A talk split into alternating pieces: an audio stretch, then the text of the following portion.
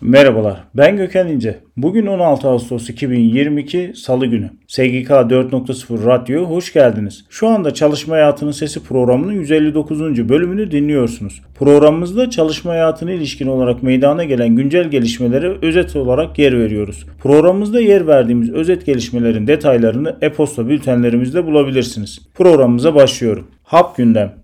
Avrupa'yı kasıp kavuran aşırı sıcaklar çalışma koşullarında değiştirmeye başladı. Avrupa Sendikalar Konfederasyonu işçilerin çalışma saat ve izinlerinin aşırı sıcaklara göre düzenlenmesi için yasa çıkarılmasını istedi. Emeklilikte yaşa takılanlar sorununda emeklilik yaş sınırının değiştirilmesi masada. Seçenekler arasında kadınlar için 3, erkekler için 5 yaş indirim yapılması ya da tek yaş olarak yeniden belirlenmesi yer alıyor. 500 bin dolar veya karşılığı döviz tutarında katkı payını 3 yıl sistemde kalma şartıyla BES'e yatıran yabancılara Türk vatandaşlığı hakkı verilecek. Türk vatandaşlığı kazanmak isteyen yabancılar yeni bir BES sözleşmesi kurmak suretiyle ünvanında vatandaşlık ibaresine yer verilen emeklilik planlarına dahil edilecek. EYT platformu üyeleriyle Çalışma ve Sosyal Güvenlik Bakanı Vedat Bilgin'in gerçekleştirdiği görüşmenin yankıları devam ediyor. Görüşme sonrası önce formül yok denildiği ancak bir başka açıklamada iki formül konuşuldu ifadelerinin kullanıldığını söyleyen EYT Federasyonu Başkan Yardımcısı Alper Özüpak, EYT'lilere neden yalan söylüyorlar diye sordu. Hazine ve Maliye Bakanı Nurettin Nebati, tarım kredi kooperatif marketlerinde yarından itibaren 30'dan fazla temel tüketim maddesine indirimli fiyat uygulamasına gidileceğini hatırlatarak vatandaşlarımızı gıda enflasyonuna karşı korumakta kararlıyız dedi. Emekli olduktan sonra çalışmaya devam eden bir çalışanın açtığı kıdem tazminatı davası Yargıtayca emsal niteliğinde bir kararla sonuçlandı. Yargıtay kıdem tazminatının hesaplanmasına esas alınacak rakamın çalışanın emeklilik tarihindeki son maaşı olduğuna hükmetti. Milletvekili Burhanettin Bulut, bankaların emeklilerin promosyonlarına haciz koyduğu iddialarını TBMM gündemine taşıdı.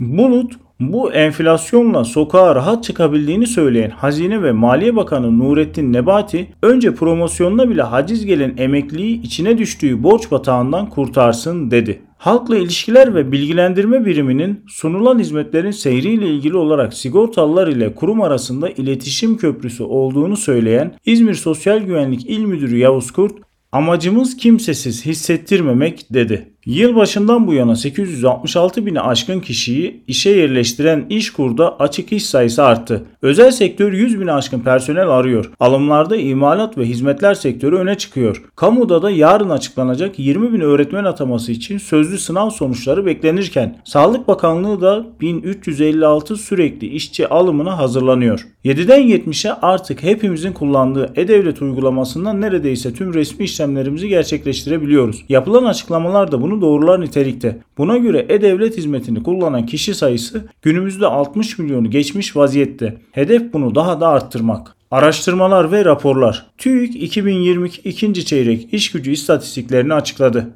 TÜİK 2022 Haziran ayına ilişkin ücretli çalışan istatistiklerini açıkladı. Türkiye Devrimci İşçi Sendikaları Konfederasyonu Disk Tarihi kitabının 15-16 Haziran 1970 Büyük İşçi Direnişi bölümünü paylaştı. PVC Türkiye kargo pazarında yeni ortaya çıkan müşteri ihtiyaçlarını karşılamak konulu rapor yayınladı. İstihdam teşvikleri, destekler ve programlar. KOSGEB İl Müdürü Cengiz Uğur saha ziyaretleri kapsamında Orta ve Şabanözü ilçelerinde ziyaretlerde bulundu. Orta ve Şabanözü Esnaf Odaları ve Şabanözü Organize Sanayi Bölge Müdürlüğü'nü ziyaret edip KOSGEB Mikro ve Küçük İşletmelere Hızlı Destek Programı'nın 4. dönemi hakkında bilgi verdi. Tuzla Belediyesi ve KOSGEB İşbirliği ile yerel yönetimler bazından ilk kez kurulan Tuzla Belediyesi Teknoloji Merkezi, fikrim var diyen gençleri melek yatırımcı ile buluşturmaya devam ediyor. KOSGEB Başkanı Hasan Basri Kurt, Tuzla Belediye Başkanı Doktor Şadi Yazıcı ile birlikte Tuzla Belediyesi Teknoloji Merkezi'ni gezdi. İstihdam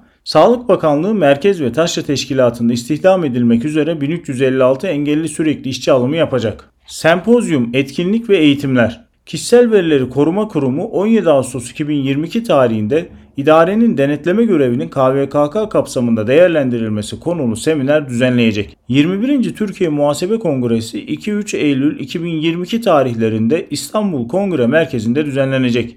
Midyat'ta belediye tarafından personele yönelik iş sağlığı ve iş güvenliği eğitimi düzenlendi. Ben Gökhan İnce. SGK 4.0 Radyo'da Çalışma Hayatının Sesi programının 159. bölümünü dinlediniz. Programımızda çalışma hayatına ilişkin olarak yayınlanan güncel gelişmelere özet halinde yer verdik. Programımızda yer verdiğimiz özet gelişmelerin detaylarını e-posta bültenimizde bulabilirsiniz. E-posta bültenimize erişebilmek ve üye olabilmek için internet sitemiz veya LinkedIn hesabımızı ziyaret edebilirsiniz. Bir sonraki yayında görüşmek üzere.